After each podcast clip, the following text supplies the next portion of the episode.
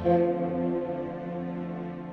စ်အုပ်စုဟာအာဏာသိမ်းပြီးနောက်ဇက်တိုက်ကျူးလွန်ခဲ့တဲ့စစ်ရာဇဝတ်မှုတွေအတွက်နိုင်ငံတကာဖိအားတွေတောက်လျှောက်ခံနေရပြီးဖြစ်ပါတယ်။အမေရိကန်နဲ့ EU ပါတဲ့အနောက်အုပ်စုရဲ့ဖိအားကုလသမဂ္ဂရဲ့အတိအမှန်မပြုမှုဒေသတွင်းအာဆီယံဖိအားနဲ့တရုတ်ကပါပေးလာတဲ့ဖိအားတွေဖြစ်ပါတယ်။ နိုင်ငံတကာဖိအားတွေများနေချိန်မှာပဲစစ်အုပ်စုဟာဖိအားတွေလျှော့ဖို့အတွက်ဖန်ဆီးထားသူတချို့ကိုလွှတ်ပေးခဲ့တယ်လို့အာဆီယံနဲ့ပူးပေါင်းလှုပ်ဆောင်ပါမယ်ဆိုတာမျိုးထုတ်ပြောလာခဲ့ရပြီးဖြစ်ပါတယ်။တစ်ဖက်မှာလည်းနိုင်ငံတွင်းမှာငွေပေးငှားထားသူတွေကိုတုံးပြီးစစ်တပ်ထောက်ခံပွဲဆိုတာမျိုးနဲ့သူတို့မှာထောက်ခံသူတွေရှိကြောင်းကိုလည်းပြခဲ့ပါတယ်။ဒါဟာနိုင်ငံတကာဖိအားကိုတံပြန်တုံ့ပြန်လေးရှိတဲ့ KSS သုံးခဲ့တဲ့နီးနာဟောင်းလည်းဖြစ်ပါတယ်။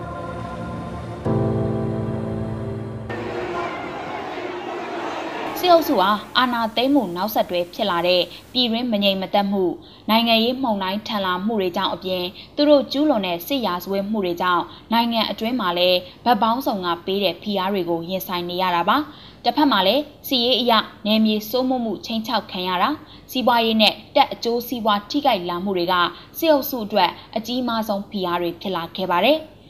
ဒေသအခြေဆိုင်ပြည်သူ့လွတ်မြောက်ရေးတပ်ဖွဲ့ PDF တွေရဲ့တစားတက်တစားအားကောင်းလာတဲ့လက်နက်ကင်တော်လှန်မှုဟာစစ်အုပ်စုရဲ့နယ်မြေစိုးမိုးမှုကိုအဓိကချင်းချောင်နေပြီးမြို့ပေါ်ပျောက်ကြားတပ်ဖွဲ့တွေရဲ့မြို့ပေါ်တိုက်ပွဲတွေကလည်းစစ်အုပ်စုရဲ့လုံခြုံရေးကိုအဓိကချင်းချောင်လာနေပါတယ်။ဒီချင်းချောင်မှုဟာနိုင်ငံတကာဖိအားထက်စစ်အုပ်စုအပေါ်ပိုပြီးဖိစီးမှုတွေဖြစ်ပေါ်စေပါတယ်။ ဒါကြောင့်လဲဒီချင်းချောက်မှုကိုရှော့ဖို့အတွက်လက်နက်ကင်ခုခံတော်လှန်မှုတွေအားကောင်းတဲ့ဒေသတွေမှာစစ်အုပ်စုကအလုံးရင်းနဲ့ကိုစစ်ပြူဟာခင်းတိုက်ခိုက်နေတာဖြစ်ပါတယ်။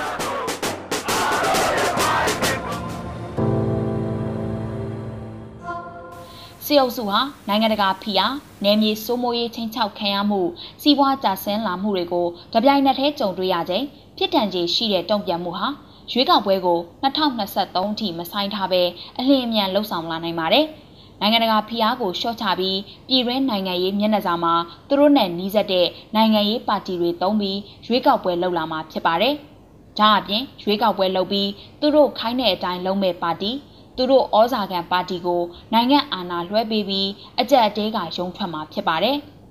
ဒီရွေးကောက်ပွဲကနေတဆင့်စစ်တပ်ဟာအယက်သားအစိုးရကိုအာဏာလွှဲပေးလိုက်ပါပြီဆိုတဲ့အကြောင်းပြချက်ကိုခိုင်မာတစ်ထက်ခိုင်မာအောင်တိစောက်အောင်မှာဖြစ်ပါတယ်။ဒါပေမဲ့ရွေးကောက်ပွဲဟာအမျိုးသားဒီမိုကရေစီအဖွဲ့ချုပ် NLD မပိုင်မဖြစ်တာကြောင့်လဲဖမ်းဆီးထားတဲ့ NLD ခေါင်းဆောင်တွေကိုပြန်လွှတ်ပေးပါလိမ့်မယ်။ဒီလိုလွှတ်ပေးတဲ့နေရာမှာလဲနာမည်ကောင်းယူဖို့အတွက်တရားရင်ဆိုင်နေကြရတဲ့ NLD ခေါင်းဆောင်တွေကိုပုံမှားတွေထပ်တိုးတာ နှစ်ရှည်ထောင်ဒဏ်ချတာတွေလုပ်ပြီးပွဲစုအောင်စီစဉ်ပြီးမှပြန်လွှတ်ပေးမှာဖြစ်ပါတယ်။လွတ်တဲ့အခါမှာလဲရွေးကောက်ပွဲမပြုတ်လုခင်ကာလနဲ့ရွေးကောက်ပွဲပြုတ်လုပြီးကာလကြာမှသာလွှတ်ပေးတာမျိုး2010ရွေးကောက်ပွဲကာလက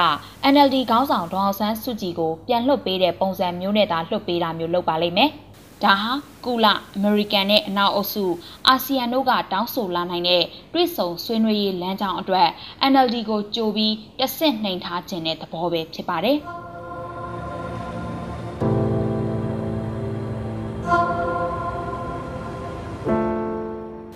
စစ်အုပ်စုဟာသူတို့ဩဇာခံလက်ဝေခံပါတီကိုရွေးကောက်ပွဲသုံးပြီးအာဏာလွှဲပေးခြင်းအပြင်2008အခြေခံဥပဒေကိုဆက်အသက်သွင်းပြီးလွှတ်တော်ထဲဝင်ထိုင်ဖို့အခွင့်အရေးကိုရရှိမှာဖြစ်တယ်လို့တစ်ဖက်မှာလည်းစစ်တပ်အပေါ်ရှိနေတဲ့နိုင်ငံတကာဖိအားတွေကိုလျှော့ချသွားမှာဖြစ်ပါတယ်။ နိုင်ငံတကာကရွေးကောက်ပွဲမှာ2020ရွေးကောက်ပွဲကာလကအနိုင်ရရှိခဲ့တဲ့ NLD မပါဝင်တဲ့အတွက်တရားမဝင်ကြောင်းအားလုံးပါဝင်တဲ့နိုင်ငံရေးဖြစ်စဉ်ဖြစ်အောင်ဆိုပြီးဆက်ဖိအားပေးကြမှာဖြစ်ပါတယ်။ဖမ်းဆီးထားတဲ့နိုင်ငံရေးခေါင်းဆောင်တွေလွှတ်ပေးပြီးတွစ်ဆုံဆွေးနွေးရေးလုပ်ဖို့တွန်းအားပေးကြမှာဖြစ်ပါတယ်။ဒီနေရာမှာစစ်အုပ်စုဟာသူတို့လိုလားတဲ့သူတို့ကိုထောက်ခံတဲ့ သူတို့ဩဇာခံပါတီကိုရွေးကောက်ပွဲကတဆင့်အာဏာလွှဲပေးပြီးအယက်သားအစိုးရကိုအာဏာလွှဲပေးပြီးပြီဖြစ်ကြောင်းနိုင်ငံတကာ lobby တွေကတဆင့်ဝါဒဖြန့်တဲ့လုပ်ငန်းစဉ်တွေကိုဇက်တိုက်လုပ်ကြမှာဖြစ်ပါတယ်။နိုင်ငံတကာကတွဲဆောင်ဆွေးနွေးရေးအတွက်ဖိအားတွန်းအားပေးလာရင်အထက်ကဆိုခဲ့သလိုဖမ်းဆီးထားတဲ့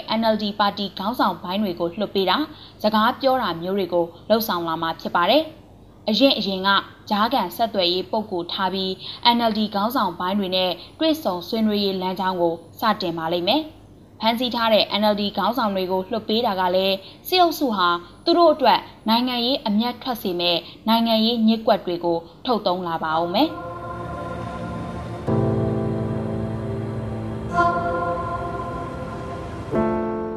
အုပ်စုဟာတွဲဆုံညှိနှိုင်းရေးမှာလဲ stakeholder တစ်ခုအနေနဲ့ပါဝင်နေအောင်မှာဖြစ်ပြီးတွဲဆုံဆွေးနွေးညှိနှိုင်းရေးမှာအလျှော့အတင်းလုပ်ပြီးအာဏာကိုဆက်ယူထားဖို့ကြိုးစားအောင်မှာဖြစ်ပါတယ်။ဒီလိုညှိနှိုင်းတဲ့နေရာမှာနိုင်ငံတကာဖိအားနဲ့ပြည်တွင်းဖိအားအောက်ကနေရှောင်ထွက်နိုင်ဖို့အတွက်လိုက်ရောမှုတချို့လည်းရှိလာနိုင်ပါတယ်။ဥပမာအားဖြင့်2008ခြေဥကိုပြင်ဆင်ခွင့်ပြုတာလွတ်တော်ထဲဝင်ထိုင်နေတဲ့စစ်သားအရေးအတွက်ကိုအတန်ငယ်လျှော့ချပေးတာ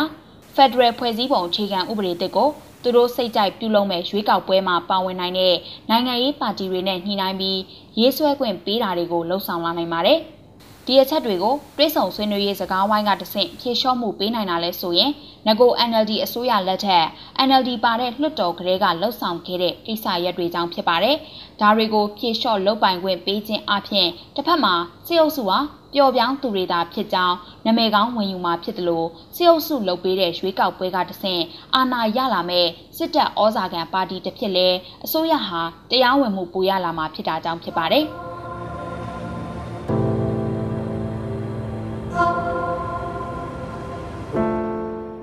စေအုပ်စုဟာ2020ရွေးကောက်ပွဲအနိုင်ရလွှတ်တော်ကိုယ်စားလှယ်တွေနဲ့ဖွဲ့စည်းထားတဲ့ပြည်ထောင်စုလွှတ်တော်ကိုစားပြုကော်မတီ2020အနိုင်ရကိုယ်စားလှယ်တွေပါဝင်တဲ့အမျိုးသားညီညွတ်ရေးအစိုးရ NUG ကိုရှေးမစခင်ကတည်းကအကြမ်းဖက်အဖွဲ့အစည်းတွေအဖြစ်ကြေညာထားပြီးဖြစ်ပါတယ်။ဒီလိုကြေညာထားတာဟာပြည်တွင်းက NLD ခေါင်းဆောင်တွေကိုဖမ်းဆီးထိန်းသိမ်းထားနိုင်တာနောက်တစ်ခုကတော့ CRPH NUG ထဲမှာပါတဲ့ NLD အမတ်တချို့ကိုစီယုံထားနိုင်တာ စစ်တပ်ကမစည်းရုံးနိုင်ပေမဲ့ CRPH NUG ထဲမှာပါတဲ့ NLD တွေရှိနေသေးတာကြောင့်ဖြစ်ပါတယ်။စီအုပ်စုဟာရွေးကောက်ပွဲကြိုက်ကြရိုက်ကျင်းပပြီးလက်ဝေခံပါတီကိုအာဏာလွှဲနိုင်ငံတကာဖိအားကိုကျော်လွှားဖို့တွေ့ဆုံဆွေးနွေးရေးလုပ်တဲ့အခါ NLD ကိုသာအတိအမှတ်ပြုကြောင်းနဲ့ NLD နဲ့သာစကားပြောမယ်ဆိုပြီး NLD နဲ့ CRPH NUG တို့ကိုခွဲထုတ်ဖို့ကြိုးစားလာမှာဖြစ်ပါတယ်။ NLD ခေါင်းဆောင်ပိုင်းတွေထိမ့်သိမ်းခံရစဉ်ကာလ CRPH NUG တို့တိစောက်ထားမှုကိုချိုးဖျက်ခြေဖြတ်ပစ်မဲ့နိုင်ငံရေးညစ်ကွက်လည်းဖြစ်ပါတယ်။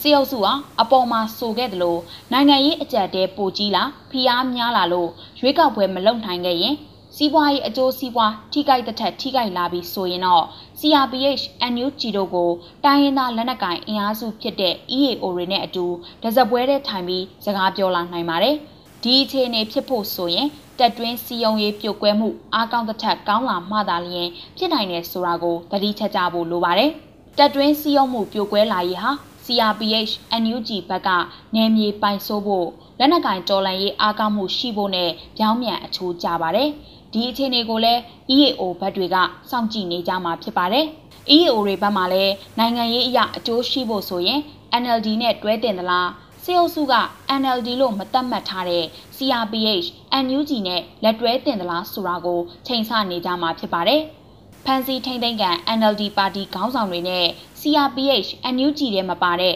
NLD တွေကိုကင်ပြီးစစ်တပ်ကကစားလာနိုင်တဲ့နိုင်ငံရေးညှက်ကွက်ကိုချိတ်ဖြတ်ပြီးတူတင်ကိုတင်လိုလားချက်တွေကိုတောင်းဆိုနိုင်ဖို့ဆိုရင် CRPH NUG အနေနဲ့လက်ရှိလုပ်နေတာတွေထက်ပိုတဲ့စွမ်းဆောင်ရည်ရှိဖို့လိုအပ်ပါတယ်။ပြည်တွင်းတော်လှန်ရေးအင်အားစုတွေနဲ့ချိတ်ဆက်မှုကိုပိုတိုးလုပ်ဖို့လိုအပ်တယ်လို့နိုင်ငံရေးရည်ချိန်တွက်ဆနေတဲ့ EAO တွေကိုကိုယ့်ဘက်ပအောင်အတွက်စီယုံရေးစွမ်းရည်ကိုအခုထပ်မြင့်ဖို့လိုအပ်ပါတယ်။ စေအုပ်စုကခက်စိတ်စိတ်လှမ်းလာနေတဲ့နိုင်ငံရေးခြေလမ်းညစ်ကွက်ပေါင်းစုံကို CRPH NUG တခုတည်းနဲ့တွန်းလှန်ဖို့ဆိုတဲ့နေရာမှာအောင်မြင်တဲ့တလောက်အောင်မြင်နိုင်ပါတယ်။ဒါပေမဲ့စစ်အာဏာရန်ရာကြီးအပီးတိုင်ပြတ်သုံးသွားရေးအတွက်ဆိုရင်ပြည်ရင်းတော်လှန်ရေးအင်အားစုတွေတိုင်းရင်းသားလက်နက်ကိုင်အင်အားစုတွေပါတက်ညီလက်ညီတော်လန်တိုက်ပွဲဆင်ဖို့လိုအပ်ပါတယ်။ CRPH NUG ဆိုတာ ဒီအင်အားစုတွေစုဖွဲ့နိုင်ဖို့အတွက်ဖြစ်လာတဲ့အဖွဲ့အစည်းဖြစ်တာမို့ဒါကိုမဖြစ်ဖြစ်အောင်ကြံဆောင်လုပ်ကင်ကြဖို့တာဝန်ရှိပါတယ်။